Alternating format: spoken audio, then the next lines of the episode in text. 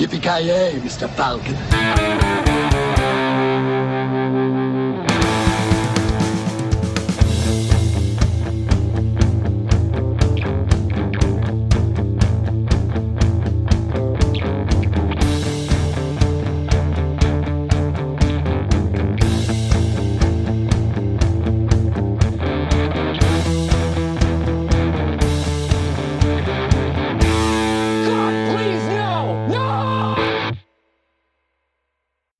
Kära lyssnare, välkomna till ännu ett avsnitt av Creative Meltdown Podcast. Mitt namn är Joakim Granström och med mig har jag... Skär ett svar på Rob Zombie, Mr. Avoya. Det är jag. välkommen, välkommen. Och med mig, Kent. Jag, jag gillar... Vem svar på vad är du då? Ja, men, ja exakt. Oh, bra fråga. Jag måste, måste jag vara Peter svar på Schwarzenegger eller? Jag tänkte säga Rolf Lassgård. Rolf Lassgård. Ja, den, är fan tagen alltså.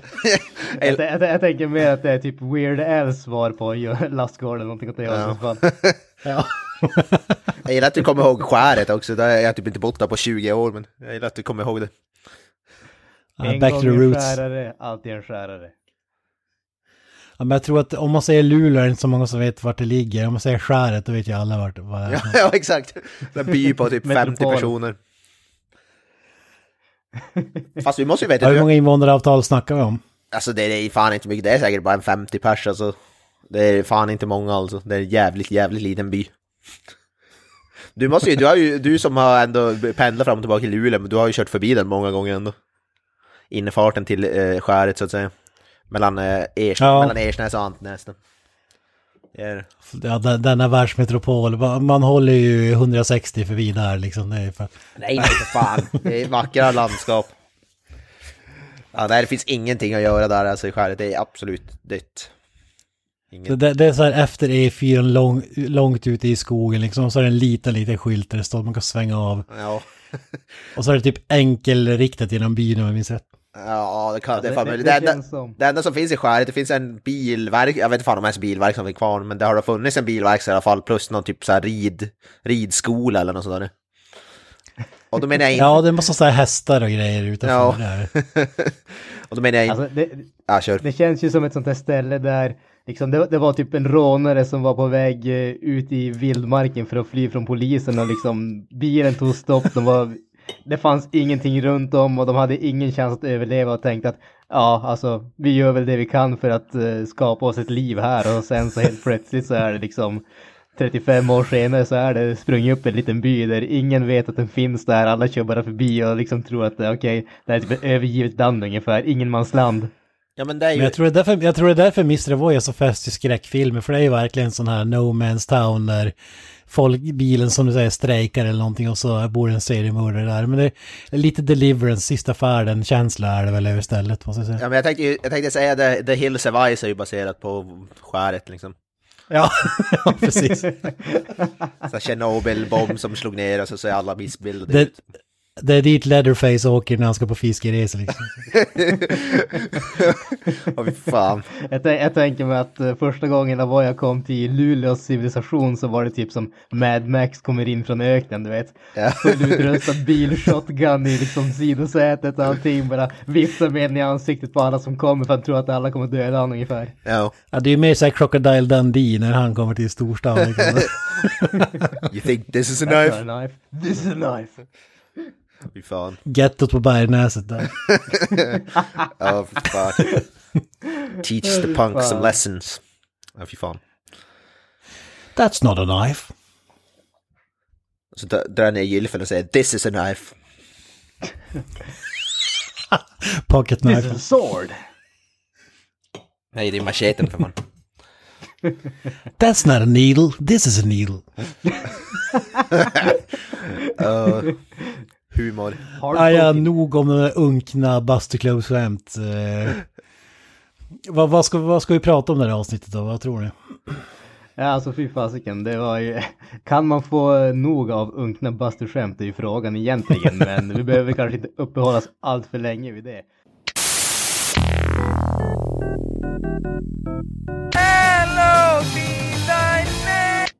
Ja men du, Ja. Avoya, du hade kollat på lite, alltså vi är ju verkligen Netflix-podden nummer ett. Det känns som att vi skulle uppdatera vårt namn till bara Netflix-podden känns det som. Men, Ja, Tyvärr är det någon redan snott det så... det. ja fy fasiken alltså, det kändes som att det var dålig stil. Det finns ingen som kan prata mer om Netflix än vi är. ska vi copyright-skydda det kanske? Kan vi kanske sno namnet av dem? Sno Ja, tillbaka det det. känns som att vi borde göra det. Vad fan Stämma. gör vi när Netflix går i konkurs? By- Byter vi namn till Disney-podden? Alltså. Jag, jag, jag, tror, jag tror då att vi går i konkurs före Netflix. det. Det känns som att det är svårt att gå i konkurs när man bokstavligt talat inte kostar någonting. Men, Ja, men ja. men Vi- å vi- andra vi- vi- sidan så får ju våra lyssnare vad de betalar för. Så att, ja Ja, exakt. det är dåligt med intäkter måste jag säga. Från den här podden. Ja, vi kan ju säga att vi, vi lever ju inte på det här. Det här är inte vårt levebröd. Ja, alltså, och, alltså, jag säger så här. Vi, vi kan byta till mycket, men när vi har flyttat oss till eh, YouTube Red-podden, då hoppar jag av i alla fall. Det, det är, då är det måttet rågat för min del. Va? Vi tänkte göra det imorgon för fan. Ja, fy fan. Okej, kära lyssnare, det här är sista avsnittet som ni hör mig i, men eh, jag önskar all lycka till dig, mina, mina kompisar i det framtida avsnittet som kommer helt enkelt. Det blir bara jag och Kent i framtiden alltså. Eh, Stryk mig för det här också. Ja, då, blir det so, då blir det jag soloshow. Ja, det är det folket vill ha. Jag tar in fan. Le- Len K tar jag in då. Len, jag och Len ska köra. Tar han för en Micke P alltså? Ja men Le- Le- Len är ju, han är ju redan en vän av podden. Vi har inte haft Micke P än. Dessvärre. Det, vi jobbar ju på det. Som fan. Vi har bara gått Har, igenom har du hans... nämnt eh, att Len K har varit med i podden så att du liksom kan uh, enticea han och få honom att förstå att eh, de stora stjärnorna, de söker sig till oss? ja exakt. ja. Ja det kryllar. Vi får, vi får massa förfrågningar hela tiden. Våran inbox är full. Här senast, här senast av Rolf Lassgård ville, ville vara med har jag hört. Ja, det, det hade fan varit någonting alltså. ja. Ja men du Avoya, vad har du kollat på på Netflix under senaste veckan? Eh, ja, under senaste veckorna, veckorna. Jag har kollat färdigt på eh, en... Ja, jag, det här pratade jag om i avsnittet som vi nu titulerar som det havererade avsnittet på grund av hårddiskkrasch. Men jag pratade, i det avsnittet pratade jag om den här eh, Netflix TV-showen Chilling Adventures of Sabrina. Och jag, jag och eh, frugan har då sett färdigt på den. Vi har sett alla avsnitt, in, de är in the books så att säga. Eh, och ja, min åsikt har väl inte ändrats från eh, det jag sa då och det var väl att det är en, den är bra, betydligt bättre än vad den gamla, tv-serien jag tyckte, i alla fall, att den, jag tyckte inte om den alls. Och den här var ju betydligt mer intressant och den är lite mer mörk, lite, lite blodig till, till viss del och så vidare. Fortfarande inte mästerlig, den har fortfarande en hel del så här tonårs cringe kärlekstrams och grejer som jag inte gillar och så vidare men den är fortfarande, den är fortfarande betydligt mer intressant än vad den gamla serien någonsin var. Och sista avsnittet var faktiskt riktigt bra måste jag säga, jag gillar det. Och det är ju redan klart att en ny säsong börjar redan i april så det är inte länge kvar. Eh, och även en uh, julspecial Jäklar. kommer uh, ju, Ja, en julspecialavsnitt kommer ut nu i, ja, i dagarna bara här i december. Så det, ja, det, det måste ha varit en ganska stor succé för Netflix antar jag då, eftersom det redan är på gång. Och andra säsongen måste väl vara färdiginspelad, han misstänker, eftersom den kom ut om typ några månader bara. Ja, då måste jag ha spelat in dem direkt efter varandra om, Ja. det kommer ut så jäkla tätt eller? Ja, det måste jag ha gjort det. Så ja. Antingen, så, ja, men jag antar att den har gått, man har hört ganska mycket om den, mest på grund av, vad var det, några satanister som ville stämma serien eller vad fan det var. Det är väl det mest som har varit. det. Det, det var någon sån här sataniststaty som var med i serien som de tyckte var liksom ja, felaktigt använda. ja, typ. Men de la väl det, de kom väl till någon understanding där, Netflix och satanisterna som jag förstod det. Så. Det togs, det togs väl aldrig, det togs väl aldrig till court. Uh, ja, men som sagt, det är en bra serie, det är som lite, det, det är lite mer, den är, ju, den är ju mer trogen serietidningarna som jag förstått det. Som den är baserad på. Den är ju baserad på någon, eh, alltså to, Sabrina tonårshäxan är väl baserad på en serietidning som jag förstått det. Eh, så ja, jag vet inte hur det ligger, ligger till, det finns en flera serietidningar baserade, alltså som, som med, med den tiden, så jag vet inte. Det är lite rörigt det där, men eh, det, det är i alla fall, det, den är bra tycker jag. Den är bra, den är inte mästerlig. Den så här, om jag skulle sätta en betyg på hela serien, en 7 av 10 kanske, eller något sådär. Stabilt, eh, solitt hantverk för att citera Mr Granström. Så jag vet att Granström har snack om den här tiden, men jag vet inte, har du kollat på den här serien, Granström? Nej, jag har ju inte gjort det. Jag har varit sugen på det, men jag har inte riktigt eh, haft eh, varken tid eller ork. Men det är definitivt eh, Problemet med alla streamingtjänster är ju det här att man har allting i fingerspetsarna, vid fingerspetsarna hela tiden. Och det, man hittar alltid någonting annat än det man tänker se på. Men den är definitivt på min lista av det som jag kommer att kolla in åtminstone några avsnitt av. Ja, ja men det tycker jag. Det, som sagt, det, det, det blir inte som avskräckande om man tycker, för det blir, det blir bättre och sen blir det lite sämre och sen blir det bättre. Den är, som, den är väldigt så här berg och dalbana tycker jag. Vissa avsnitt är riktigt bra och vissa är betydligt mindre bra. Så det är som, bara för att man gillar ett avsnitt så tycker jag inte att man ska ge upp, för det finns bättre. Det, det finns. Det är bara att det, det är inte som en, en hel linje av bra avsnitt. Det kan vara så här, som sagt, det kan vara något dåligt avsnitt där och sen något, något som är riktigt bra och sen kan det vara dåligt.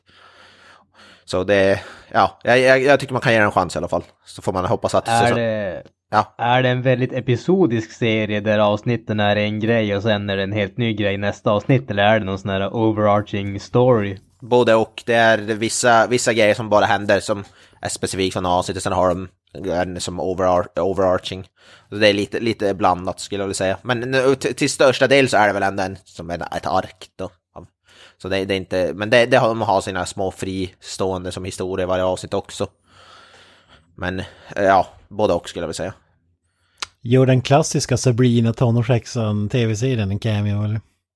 Nej, nej, tyvärr inte i den här säsongen i alla fall. Men det är ju de karaktärerna som är, var i originalserien är ju som med i nya formen. Den här katten Salem är ju med i någon form och hennes, vad heter det, fastrar som hon bor med och så vidare. Men sen är det ju även nya karaktärer då såklart. Är ja, det är katten man kommer ihåg. fortfarande världens sämsta puppet?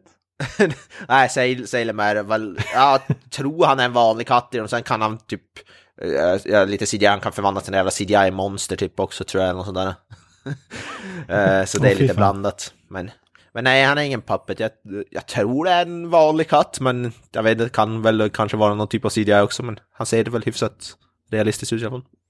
Han pratar dock inte, så de som vill se Salem prata som i originalserien gör det i alla fall inte det i första säsongen. Han säger inte ett ord.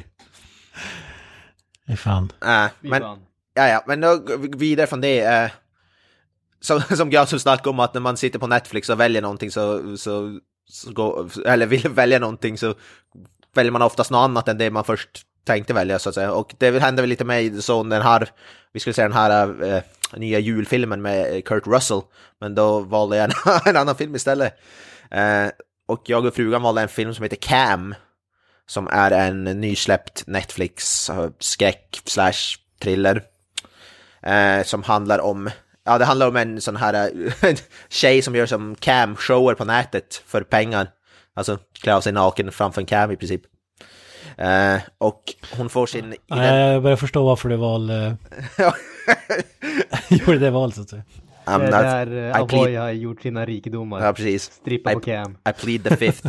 Nej, men det, det handlar om, och hon gör då sådana där, och folk är då i en chatt och så här, ger henne så här, tippa henne så här, oh, I tip 500 tokens, take, take your clothes off, och så kan de ge pengar och säga åt henne och göra grejer typ. Och hon jobbar då som det här och då, en dag så vaknar hon upp och får se att hon, hon har blivit, hennes identitet har blivit kapad. Hon går in på sina och ser att hon, då, eh, att hon är som live och så ser hon sig själv på cam, och, fast, fast hon då inte är live på cam. Så hon har blivit kapad av någon som ser ut att se ut exakt likadan ut som henne. Hon kommer inte in på sitt account och bla bla bla. Och hon ska ta reda på vad det är som har hänt. Uh, så hon, ja, hon har blivit identitetskapad helt enkelt. Uh, och ja, det, stuff, stuff happens så att säga. Men eh, det är faktiskt, eh, premisen kanske låter lite cringe, men den är riktigt, en riktigt spännande film måste jag säga. Eh, det är en sån här eh, nailbiter. Eh, jag tyckte den faktiskt, den är faktiskt, den är faktiskt riktigt bra. Det känns, eh, känns på pappret lite som en sån slags B-film, men den, den, den var riktigt spännande. Påminner lite grann, jag pratade om den här filmen eh, senaste gången jag var med, inte förra avsnittet, men då förra, den här filmen Searching. Det är lite på som samma nivå där. Eh, lite, lite så här, eh, sitta på the age of your seat. Eh, som, den är inte läskig på något sätt, eller något så här, men den är, eh, den, den är spännande.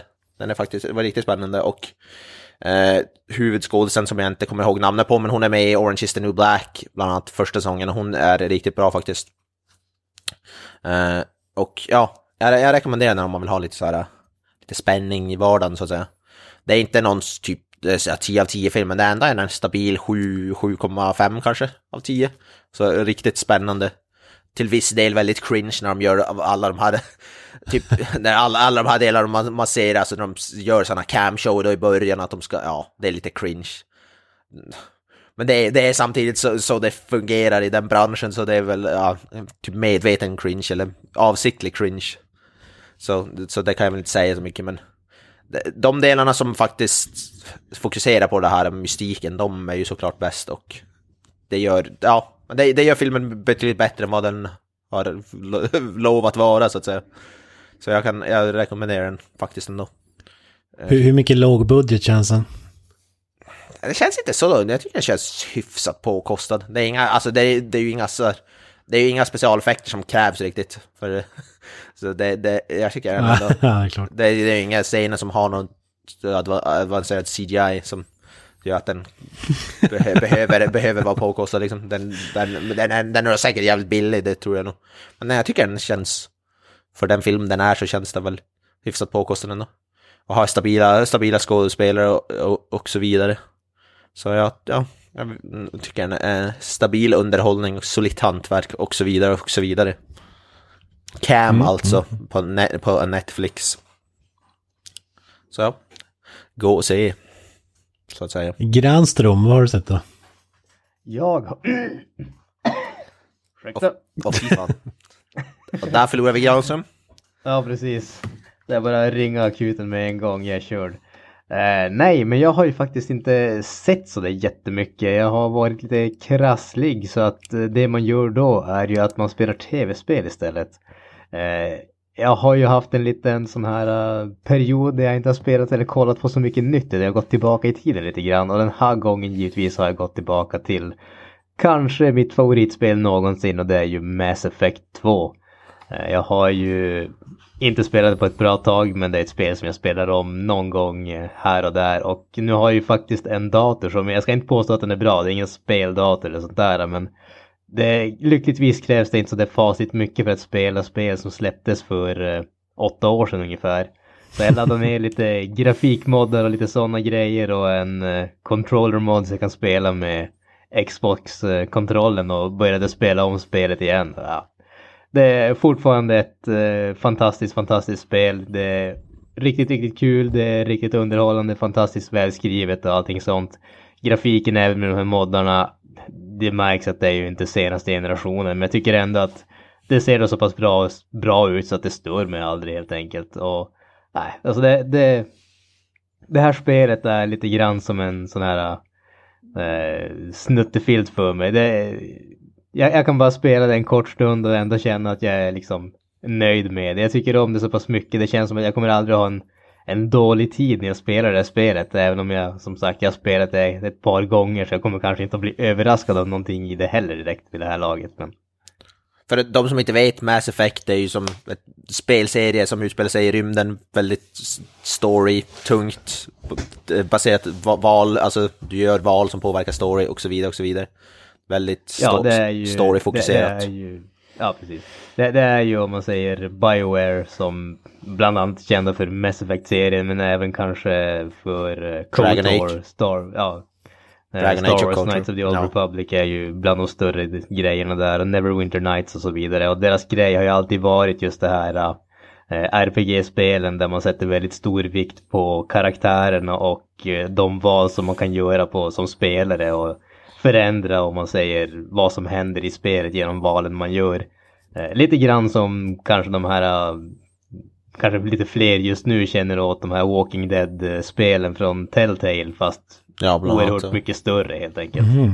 Det som är grejen med Mass Effect, du kan ju, när du har klarat ut första spelet, då installerar du andra, då kan du ladda över din spelfil till det andra spelet och det är val som du gjorde i första spelet påverkar andra spel och så vidare och så vidare.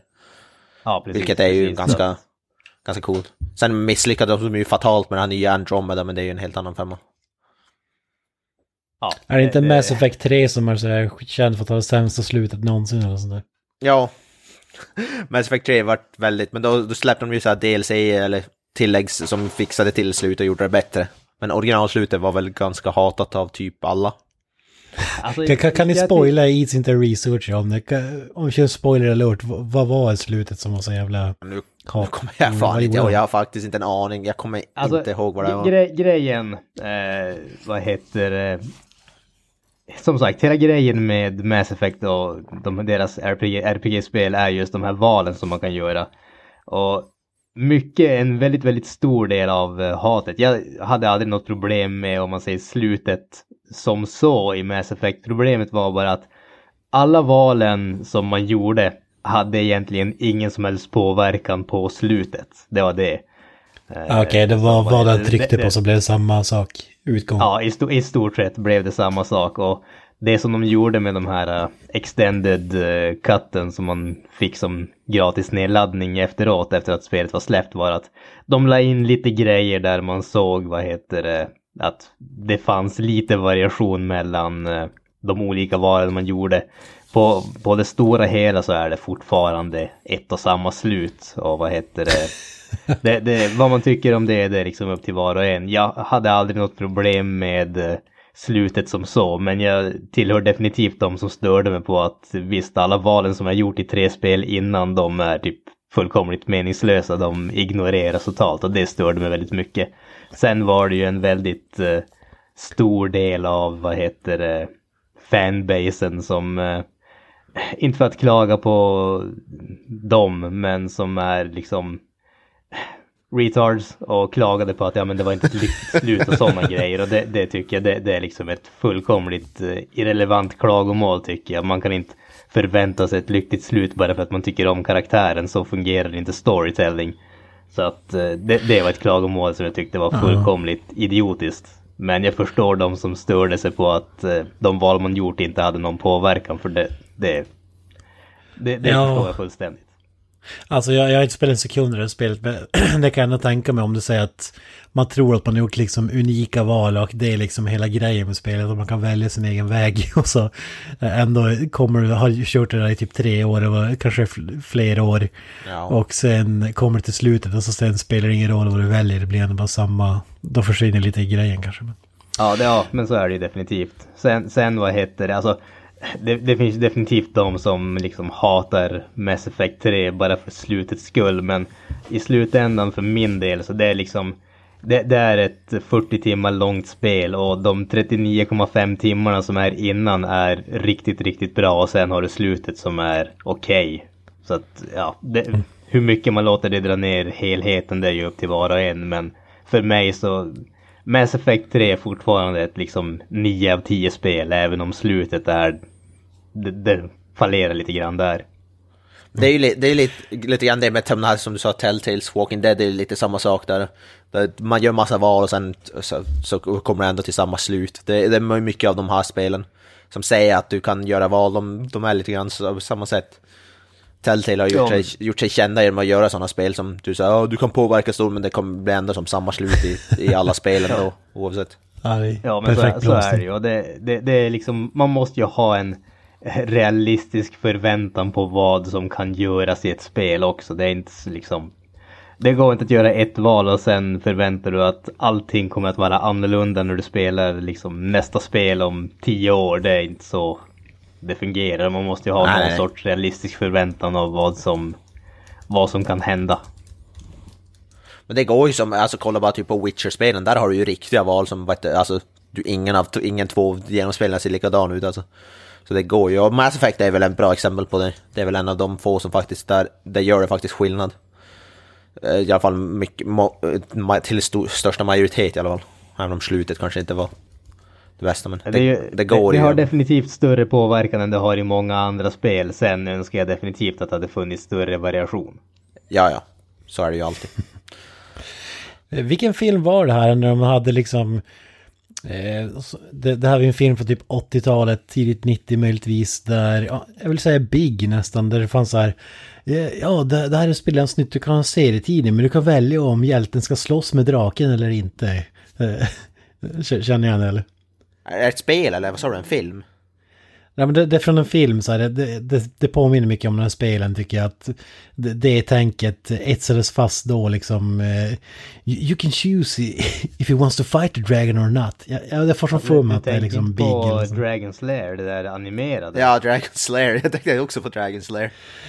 Ja, alltså, skitsamma. Men, men det är en film där, där de pratar om så här, så kommer en ny uppfinning. Eh, alla tillbaka till framtidens stuk. Där typ en digital serietidning. Där det, det häftiga ska vara att du kan göra egna val. Vart storyn ska ta vägen. Liksom. Okej. Det, det var referens som ingen av er. nej. Nej, det var så ingenting som klickade för mig i alla fall. Det finns ju den här, uh, vad fasken heter den då? Cluedo, vad fasken heter Det finns ju en sån film, Clue. Ah, med olika slut hade, ja. Ja precis, den hade väl typ tre eller fyra olika slut som de varierade tror jag när de gick på när filmen gick på bio så att eh, det var liksom samma film men tre eller fyra olika slut men jag tror att när de släppte den på ja, VHS eller vad det var så hade de väl typ alla sluten med och så var det sista slutet var det riktiga slutet vad jag förstår någonting åt det hållet. Det var ohyggligt länge sedan jag såg den filmen. Att det var typ en sån här, ja det kunde ha gått så här, eller kunde ha varit så här, eller kunde ha varit så här, men så här var det som det egentligen hände. Ja. Men men, det är ungefär det som jag har gjort i veckan bortsett från att eh, ha ont i halsen och snyta mig tills min näsa har gått sönder. Jag, det känns som att jag har en Michael Jackson-näsa vid det här laget men jag kollar mig i spegeln och jag kan garantera att jag har det inte. Och den är inte på väg att falla av heller. Men fan, på tal om trasiga näsor. Jag har ju återvänt till eh, Rocky. Vilken segway alltså. Nice. Ja, jag tog en huggare där, där där det fanns läge. Ja, ja. Jag pratade i förra avsnittet om Creed 2 som är Rocky 8 och eh, pratade även om att jag hade investerat i Rocky-boxen här så jag har haft Rocky Marathon i helgen. Kikat på film 1, 2, 3. Och det är ju en riktiga mästerverk. Jag tänker inte prata så mycket om filmerna. All, alla vet ju vad filmerna har, har ju sett dem i princip. Men om man inte har sett dem av någon anledning så, så gör det. Och eh, om det är så att du aldrig har sett dem och tror att filmerna handlar bara om boxning, att det är därför du väljer bort dem, så boxningen är kanske 10% av filmerna. Det är, första filmen är egentligen en love story och så vidare, men ja, de, de, de är fantastiska alltså. Men eh, jag har gjort mer kopplingar. Vi pratade i förra avsnittet här om att eh, Granström berättade att han kom över den här biten att kika på extra material och att, att man inte åter, att man inte kollar igenom det som man gjorde förr. Så tänkte jag fan, jag, eh, jag, då är det dags alltså. Så jag gjorde en djupdykning då i Rocky, den första Rocky-filmen, extra material som fanns där. Det var ju riktigt intressant men jag vet inte om, om jag säger steadicam, vet du vad jag menar då? Ja, jag har väl ett vagt, eh, vag förståelse av det. Men, Ja. eh, Jag tror kanske. Det var ju den person som uppfann steadicam. eh, De första, han spelade in tre filmer samtidigt, de första någonsin och Rocky var en av dem. Första som hade en steadicam. Och steadicam är i princip, istället för att ställa kameran på ett stativ och bara filma stillastående. Eller bygga en sån här dolly, alltså typ som en tågräls. Kan du ta typ en hel dag och bygga för att kunna skjuta kameran tre meter och följa med en, eh, en person till exempel. en, en steadicam gör det möjligt att du kan springa och filma och, och sånt där utan att kameran skakar utan den har som någon slags motbal- viktbalans som Ja, gör att det det, ser... Det är alltså en kameraman som bär en, en upphängning för kameran som gör att Ja, du kan flytta omkring den utan att om man säger hindras av eh, rälser och sådana saker som du var tvungen att ha tidigare när du skulle flytta. flytta Precis. till kameran. Det, det mest ikoniska exemplet är ju Rocky-trappan här, den har ju alla sett. Den springer upp där till The Art Museum i Philadelphia och, och jublar där och den är ju filmad med, med den och den är så ikonisk och det är ganska kul att höra, höra storyn där liksom att när, när han började uppfinna den här, den här eh, kameragrejen så tog han med sin flickvän eller fru och skulle de filma någonting. Och så typ, ja men springer de här trapporna och då var det de trapporna. Och så filmade han, han sprang upp och ner och så upp igen. och så visade han det här klippet för bland annat regissören till Rocky då, så sa han bara Ja men fan vad coolt, det här måste vi göra och du, vart ligger de här trapporna? så det är ganska kul att det är en sån ikonisk del av filmen alltså. Eh, och det var typ bara, de valde bara en random så här stentrapp eh, för att testa kameran för första gången ungefär. På riktigt. Och det blev så stor, ja det är ju filmhistoria får man ju säga. Ja, ja. Ja, det är jäkligt fascinerande och om man har tillgång till Rocky och aldrig kollat in extra materialet så det är en av de filmerna Alltså det är den här typen av filmer som gjordes för så länge sedan som har liksom historia. Alltså den gjordes för liksom peanuts, de hade ju inga pengar. Filmade så här, det var inte så att de liksom hyrde en gata i Philadelphia och filmade där utan de gjorde ju bara typ bara frågade grannar om det var okej okay, och så körde de och typ och åkte runt med en bil och, och filmade alla scener där han springer och typ så här bara helt random utan tillstånd och grejer. Vänta tills det inte var någon på gatan och så bara okej, okay, filma nu snabbt. Sen... ja, ja, men det var ju verkligen så. någon scen där tåget ska åka förbi, då står det någon snubbe och kollar bara ah, nu kommer tåget, var beredd! ja, underbart. Det här guerrilla, guerrilla, guerrilla filmmaking, som man säger. Ja, verkligen. Då visade även den här Steadicam-snubben var även med när de filmade boxningsmatcherna och, och springer runt där boxningsringen och filmar. och så berättar de för att de hade ju så tajt om pengar och filmar liksom samma dag. Så när man ser filmen när de liksom har vidvinkel över hela arenan så här, eller fågelperspektiv, då ser man den här snubben med steadicam springa omkring där. men, men man, man, tänker ju aldrig på det för att man tänker att ja, men han filmar liksom boxningsmatchen, det är meningen, men det var ju lite...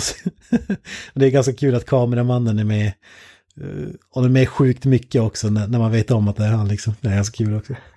mm. det, det, är en sån där grej som när man väl vet om det så går det inte att inte se det. Exakt, det, det är som i Dunkirk med det här klockljudet liksom. Det var Christopher Nolans klocka som gjorde det här tickljudet. och då, då, för mig var det så, jag kunde, kunde inte sluta tänka på det och typ förstörde det första gången jag såg filmen ungefär. Eh, ja, det var intressant. Sista grejen som är värd att nämna där är ju att eh, det visste jag inte att eh, Mickey, alltså Rockys tränare, var ju typ så här 80-årig gubbe ungefär. De hade ju liksom sminkat upp honom, han har ju sned näsa bland annat. Eh, för att de skulle, du vet alla boxare har ju liksom, de är trasiga i ansiktet och armar och ben och allting och en boxare med en hel näsa är ju inte trovärdigt om man säger. Så därför, så därför i alla de här filmerna så har han haft ett plaströr i näsan som gjort att näsan pekar åt ett håll. ja, ja, det är magiskt alltså. Även hans öron är liksom så här gummiöron. Eh, som de har gjort så att det ska se ut som att han har liksom fightats ungefär. Och det är, fan, det är fan ingenting som syns när du ser filmerna så jag hade ingen aning att det var smink liksom. Nej. Det är fan coolt. Den är ändå från 76, alltså. Ja. Det var inte direkt eh, CGI... CGI... stuk. Det kan man ju lugnt säga. Nej, för fan vad jag älskar de här filmerna alltså. Det är äh, fantastiska filmer. Och äh, som jag sa, Creed 2 är också fantastisk. Så har man inte sett den så se den. Det är en genuint bra film. Och för att vara den åttonde i franchiset så... Ja. Jag vet inte vad jag ska säga, det är fantastiskt. Stallone har väl nu bekräftat att det blir hans sista rock, film som Rocky, Creed 2. Vad man, nu, vad man nu kan säga om det, men det är ju lite intressant. Ja, okej, okay, ja det, det har jag inte sett faktiskt. Nej, jag läser, jag läser någonstans att han har bekräftat att det blir hans sista. det, har det har ni för sig sagt efter typ varje Rocky-film. Ja, det, det, det har han väl, men... Rocky 2, Rocky 3. och vi är där vi är Men om det nu verkligen är, är den sista, vad, vad säger vi om det då? Om det nu skulle vara så tragiskt men samtidigt så... Alltså, ja, man, man vill inte se honom dö på film så att säga. För jag tror att skulle man göra en till då skulle det vara oundvikligt. Eh, om man ser till hur franchise hade gått tidigare och eh, vilket skick han är i de här filmerna så... Och ja, nej, jag, jag, jag klarar mig utan det, alltså jag, jag vill inte se det. Så, så av den anledningen skulle jag säga det. Men å andra sidan så vill jag se en ny Rocky-film varje år för Stallone är ju så jävla bra i de här filmerna alltså. Det, han, han, de är som gjorda för honom, kan man säga. Ja, absolut. Så men- har du några planer på att eh, kolla igenom lika mycket extra material till de andra Rocky-filmerna? Eller nöjer du dig med första? Tyvärr var ju de an- hade de andra filmerna i boxen inget extra material än så länge. Nu är jag bara på tredje filmen men jag får säga, men den första filmen hade ju sjukt mycket. Så, så får vi se om jag återvänder till den men får se, får gräva fram dem jag på DVD också kanske och kolla om det finns någonting där. Men det, det är ju om man ska vara rent krass så är den första filmen mest fascinerande just för att den är så, så låg budget, typ guerrilla-style eh, filmat och så vidare. Det är därför extra material idag, alltså typ extra material från Avengers 3. Det är det liksom de snubbar som sitter och läser ett manus som är fantastiskt kul att spela in filmen. Alltså, det är bara den här typen av filmer som är intressanta egentligen att återvända till. Första Alien, Terminator, ja men, ja ni vet, Ja, just det. Den typen av filmer. Jaws kanske. Ja, exakt. Men en, en sista grej bara här, det är ju kul att säga om vi tar just Stallone, se hans utveckling liksom i filmerna för att karaktären Rocky är ju en riktig jävla meathead i den första, kan inte läsa och eh, ja, hur som helst och så blir han mer och mer slick ju längre filmerna går för att han liksom han utbildar sig själv, han ser snyggare ut och så vidare och hans kropp förändras ju ganska rejält. För att när vi är framme vid Rocky 3, samma år kom ju First Blood ut, alltså första Rambo. Mm. Ja, Och om man skulle ställa de kropparna bredvid varandra, alltså man tror inte att det är samma person för att man säger the roiding begins så att säga, där vi... allegedly, allegedly. För att i, i den första Rocky-filmen, det skulle kunna vara vilken Svensson som helst, alltså han ser ju inte ut som en boxare, han har ju inte magrutor och sådär direkt, utan... Alltså han är vältränad men inte så här äh, sinnessjukt. Och, det, det som är så fantastiskt, att det passar ju som rollen. Och så är Rocky 2 han lite mer fit, och så är Rocky 3 då är det liksom den Stallone man tänker på. Den här Arnold-versionen av Stallone. liksom. Roy, Roy den sätter sig Ja. så att säga.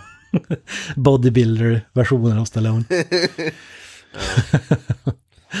ja, jävligt intressant alltså. Ja, ja. Ruskigt bra filmer som håller än idag. Äh, Men du hade bara sett Rocky 1, vad var det, 1, 2, 3? Du hade inte sett alltså all, allihopa? Nej, jag har inte, jag har inte, alltså jag har ju sett dem hundra Ja, ja, gånger ja. tidigare. Och jag sa, jag, som jag sa i förra avsnittet, fyran är min favorit. alltså, eh, med konkurrens av ettan. För att, det, det, men den är ju, de första tre är liksom seriösa draman. Och eh, Rocky 4 är mer så här uh, movie hållet eh, som jag älskar och lite mer så här överdriven. Vad ska man säga, underhållningsvärdet är större än så här hantverket är imponerande om man säger så. Vad säger du om Rocky 5 då?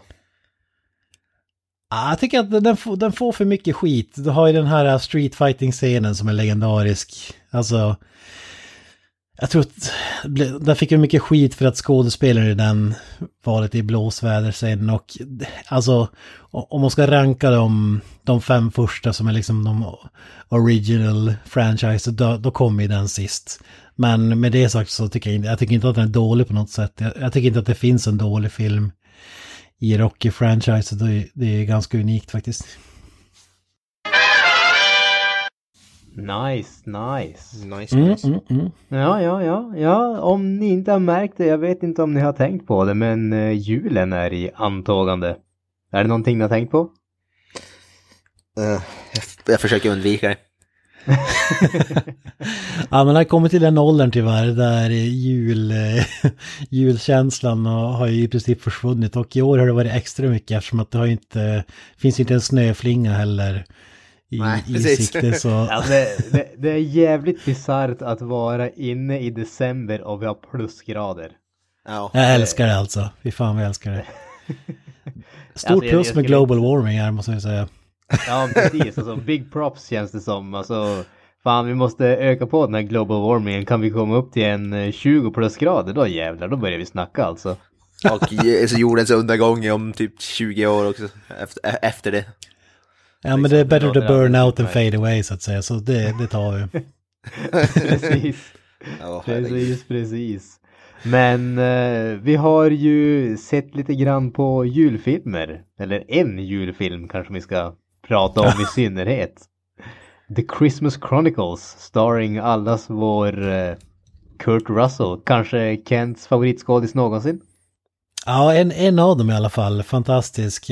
Alla vet ju vad jag tycker om Escape from New York och hela den här biten. Och eh, eh hans samarbete med John Carpenter är ju... Ja, de är fantastiska de filmerna alltså. The Så det, det är en personlig favorit. vad sa du? Kommer hans eh, insats som jultomten, jultomten att bli lika legendarisk tror du? Alltså jag måste säga att eh, den, givetvis inte Escape from New York eller John Carpenter-klass, men det är betydligt eh, bättre än vad jag hade förväntat mig alltså. Både filmen i sig och Kurt Russell tycker jag är klockren som, som tomten här i The Christmas Story, eller nej, Christmas, The Christmas Chronicles. Ja, vi pratade om det innan, det är ju värdelöst namn på en film, alltså det, det fastnar inte, jag vet inte varför, men det känns så generic på något sätt. Ja, det, så känns det ju alltid. Men det, alltså det, jag vet inte, så fort man hör Christmas så känns det som att det är den enda biten av titeln man hör. Resten det är bara interchangeable words ungefär. Det kan vara vad som helst. Ja. ja, men jag skulle säga att det här är liksom Kurt Russell i Hateful Eight fast med tomtedräkt. Det är väl i princip, i princip det det är. ja, men det är så är det, lite så är det ju. Eh, vill du dra handlingen lite kort kanske bara? Ja, alltså vad, vad, ska jag säga, men eh, det är ju en klassisk julstory. Två, en, en bror och en syster som deras eh, familj är i kras efter att farsan har dött bort och eh, familjen har liksom splittrats och den äldre brodern då är i mycket trubbel och sådär och lilla systern är i typ, jag tror hon skulle vara 10 eller 11 år liksom som fortfarande tror på tomten och drömmer om att, ja vad ska man säga, få en, eh, en härlig jul, skriver brev till tomten och så vidare. Och eh, på något vis så lyckas de faktiskt eh, filma tomten när han är ute och delar julklappar och inser då att det är Kurt Russell. Eh, Säger de det i filmen också? Oh my god, it's Kurt Russell! Ja. And he's Santa Claus! Snake Plissken! What's with the beard? Snake Plissken is delivering our presents. Nej men de sa ju det klassiska... det var det klassiska att de måste hjälpa honom att rädda julen för att eh, de ställer till det lite för tomten. Vill, vill kanske inte spoila varför men eh, ja, så, så, det är inget, ingen unik story på det sättet. Jag vet inte vad du säger någonstans. Nej, alltså det, det, är ingenting som sticker ut från mängden. Det är en typisk rädda julen så att inte alla andra blir ledsna story helt enkelt. Men eh, ibland så krävs det inte så mycket mer än det. Alltså, det här är ju inte en eh, film som är gjord för att vara djup eller någonting åt det hållet. Den, den spelar ju väldigt mycket på julkänslor, julnostalgi, familjen och allting sånt. Det är ju inte så att den eh, hymlar med de grejerna utan den eh, samlar upp dem i en boll i näven och kör ner den så långt ner i halsen att du har eh, armbågen vid, eh, ja, gomseglet ungefär. långt ner i halsen. Det var en, refer det var en, refer det var en referens. En annan film vi rekommenderar starkt till den här ja. podden. Poddens favoritfilm. Men med det sagt så måste jag ändå säga att nu låter det på dig som att liksom, ja, du kanske inte har samma syn på filmen, men jag tycker ändå att man gör det på ett, på ett lagom bra sätt, eller man ska säga. Det, det är få filmer idag som man får så här julkänsla kring. Alltså, den delen i en har ju liksom dött. Men jag måste säga att uh, den här väckte faktiskt lite liv i den där uh, sexåriga pöjken som, uh, som tyckte att jul var, var, var någonting Som väntade, som ville få sin nya actionman-figur under granen. Ja, precis. Senaste Star Wars-leksaken. Hoppas att den låg under granen liksom. jag, måste, jag måste säga, det, det påminner lite grann om så här Home Alone, alltså de, den typen av filmer. I, i, i viss, jag kan inte som inte sätta fingret på det, men det var bara det jag förknippade filmen med. Och, så, så jag, jag, jag, tycker fan att den var bra. Den var jäkligt underhållande och sådär och visst är den lite cheesy och sådär men i, i det stora hela så är underhållningsvärdet är ju riktigt bra. Humorn funkar och Kurt Russell är ju eh, fantastiskt bra som tomten måste jag säga. jag vet inte vad du säger men... Alltså jag håller faktiskt, eh, tro det eller ej, men jag håller faktiskt med dig till eh, ganska stor bit här. Jag tycker att eh, Kurt Russell är riktigt, riktigt bra som tomten. Han passar verkligen som, eh, som eh, handen i handsken så att säga. Däremot, dessutom tyckte jag att eh, barnskådespelarna, de som spelar de här två ungarna, brodern och systern, gjorde ett eh, förvånansvärt bra jobb. Jag är ju i allmänhet en sån som stör mig på ungar så fort de är med i filmer för de, de känns alltid distraherande, de känns alltid som att det känns alltid som att de spelar, det går aldrig att komma ifrån det. Men jag tyckte faktiskt att de två som var med i den här filmen gjorde ett riktigt bra jobb. Eh, speciellt tyckte jag lilla syrran vart jag Ja. kanske mest imponerad av. Bara för att ho- hon är yngre och skulle vara i den åldern som jag stör mig på mest. Men hon gjorde det riktigt bra. Hon kan vara lite väl intensiv i sitt eh, gillande av julen kan jag tycka ibland. Men det känns mer som att det är ett problem med karaktären och inte, inte skådespelerskan faktiskt. Så att, Ja, jag, eh, tror, jag tror att hade, här, hade den karaktären spelats av vilken annan skådespelare som helst så hade man hatat karaktären för att den har varit så här enerverande bara. Det är det Ja. oftast där. Men den här Darby Camp, jag, jag tyckte att hon var riktigt bra. Alltså jag fattar inte. Det känns som att hon var liksom 45 barre. Alltså pra, pratade inte som att hon var liksom 10-11 år utan alltså ja, det, det var riktigt imponerande måste jag säga. Ja, alltså hon, hon hittar ju verkligen, om man säger, rätt balans. För problemet som många sk- barnskådespelare har, alltså antingen så är de så extremt barnsliga att de inte känns riktiga, eller så blir de så extremt lillgamla så de känns inte som ett barn längre. Och hon hittar verkligen den här nivån där hon känns fortfarande som ett barn och hon känns fortfarande som att hon spelar en riktig karaktär. Och det, det är förvånansvärt få, få gånger som man ser det i filmer med skådespelare i den där åldern. Så hon, hon gjorde ett riktigt, riktigt bra jobb tyckte jag. Sen Fram, framförallt vad, vad hon har som de flesta inte har, det är comedic timing också. Alltså, Mm. det är en sak att säga de här replikerna, men att få dem liksom att bli roliga så här, hug it out och alla de här grejerna. Alltså, det, det gör ju inte bara i en, eh, det, det krävs ju någonting av, av skådespelarna. Så ja, det, det var typ det mest, det kändes som att det var en karaktär man liksom skulle ta sig för pannan för, men jag, jag tyckte fan nästan att det var stjärnan i, i filmen så att säga. Ja, alltså jag skulle, jag, kan, jag är beredd att hålla med dig om det här. Hålla med dig om det.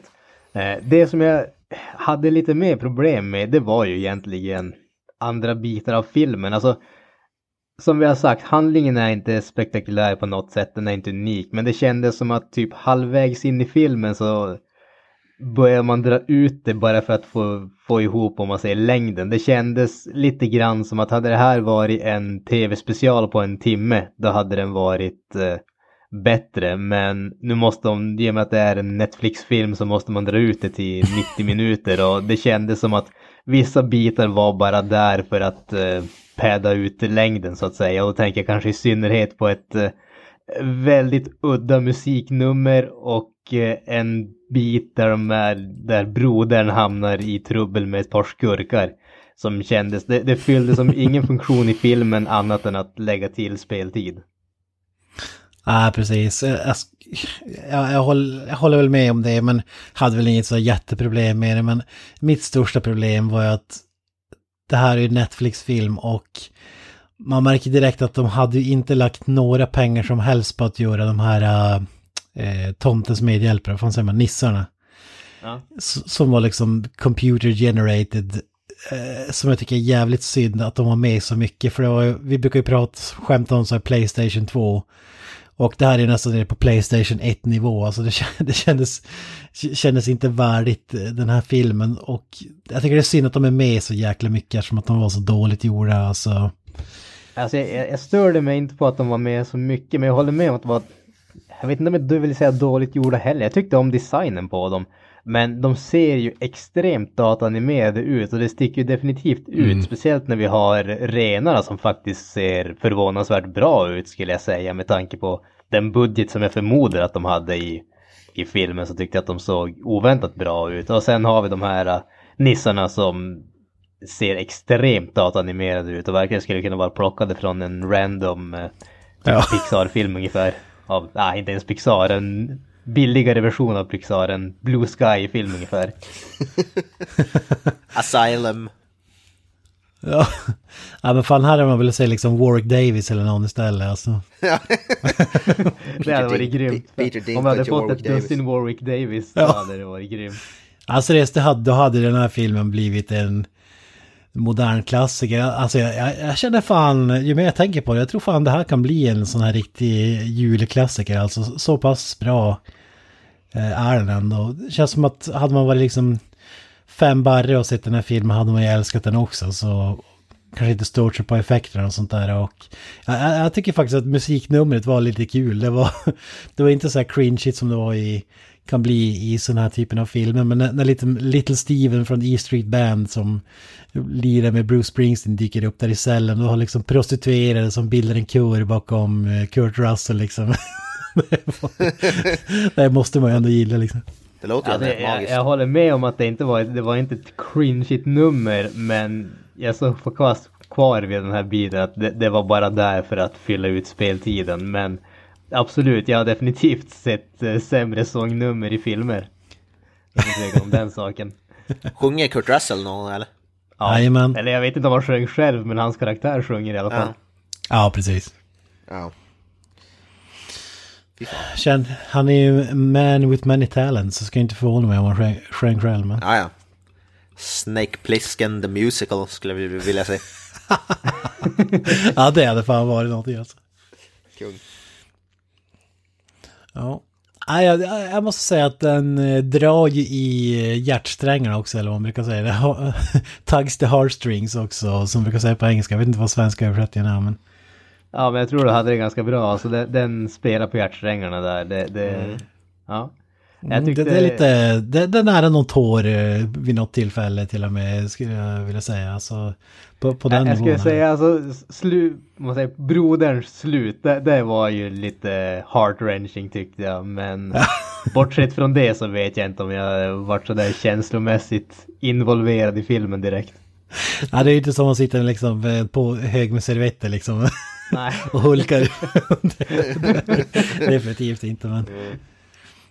Ja, lite feeling, Christmas feeling. Så ja, jag skulle sätta ganska högt på ett betyg på den här filmen. Jag skulle definitivt eh, rekommendera den. Den är bättre än vad den ser ut att vara från ytan måste jag säga. Ja. Det, det är lite som vi pratade om också, så här. Guillermo del Toro, alltså. Du kan ta en generic så här, story, men allting handlar om utförandet, alltså the execution. Och det, det är ju där den här filmen, jag tycker, levererade. Får ju sätta lite, mycket referenser också. Vi har Kurt Russell liksom tar ett glidflygplan upp på ett hustak till exempel, snott straight out of Escape from New York. Och eh, du har någon sån här karaktär som sitter och kollar på Stranger Things. Jag vet inte riktigt vad kopplingen är till Stranger Things, men det finns väl någon säkert. Det är väl från Netflix-produktion. Förmodligen. Ja, kan det vara så enkelt? Ja, de vill väl bara göra reklam för sina produktioner säkert. Ja, Det väl- det, det kan vara så enkelt. ja. Ah, ja, ska ska vi sätta ett betyg på den här innan vi slänger, drar tomtesäcken i... Säcken. Drar Jag tomten i säcken. tomten i hans egen säck. Ja, är tomten i hans egen säck. ja. Ja men absolut. Ja men du, du kan väl börja där kanske? Alltså jag är uppe och nosar vid mellan 7 och 8, så jag, skulle- jag skulle nog säga 7,5 ändå. Kanske, ja, kanske, kanske mer ett 7-hållet, men... eh, Just för 7,4. att julfilmer brukar inte vara någon genre som jag tycker om, med undantag för Die Hard. Så... Julfilmernas julfilm. ja, men en, en 7, 7,5 där, någonstans skulle jag säga. 7, 7,3 säger vi då. Ska jag nu säga. 7,35 för att vara mer exakt. 7,33333. Det ska vara väldigt exakt. Det är väldigt noga. Med de Jag är väldigt noga med decimalerna här. Ja. Minst 12 stycken ska vi ha med. Annars ges det inte. Det Då stämmer inte pi. algoritmerna annars. Ja, det ska som pi. 3,1457 eller vad.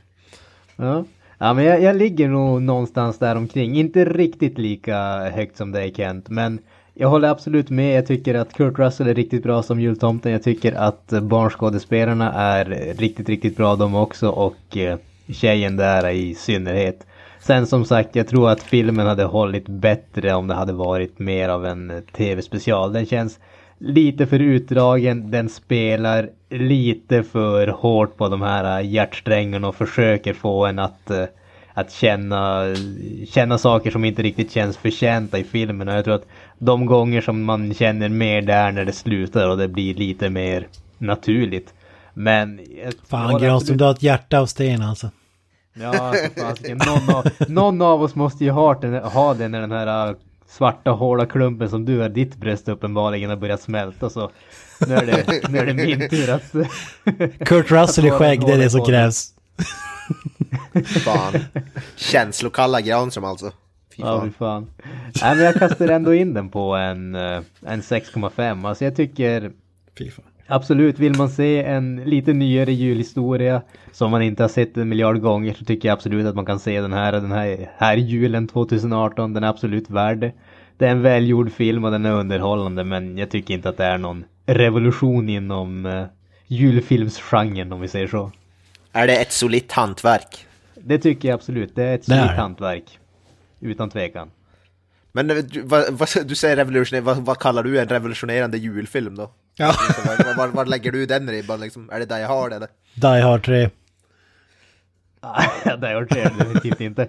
Jag vet inte, i ärlighetens namn vet jag inte vad som skulle vara en revolutionerande julfilm i dagsläget. Men som vi har sagt här, det här gör ingenting som är direkt annorlunda eller jättenytt. Handlingen är ganska by the numbers och sådär. Och bara en sån sak gör att det håller sig inte. Det, det, det kommer inte upp till någon sån nyskapande nivå. Det är välgjort, det är så lite hantverk rakt igenom. Men det gör ingenting som jag tycker sticker ut så extremt mycket att det är eh, någonting exceptionellt på något sätt.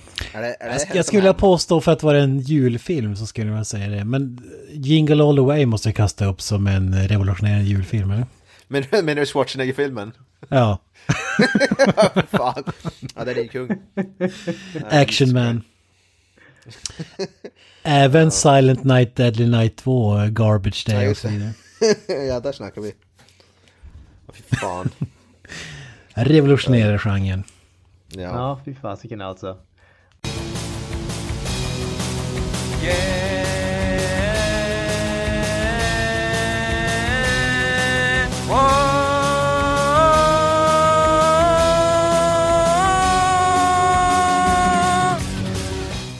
Och med det så knyter, knyter vi ihop den här säcken. Vi har kastat in tomten i dem. Vi använder Pinocchios marionettsträngar till att hålla ihop säcken. Han kommer inte att komma ut förrän nästa jul igen.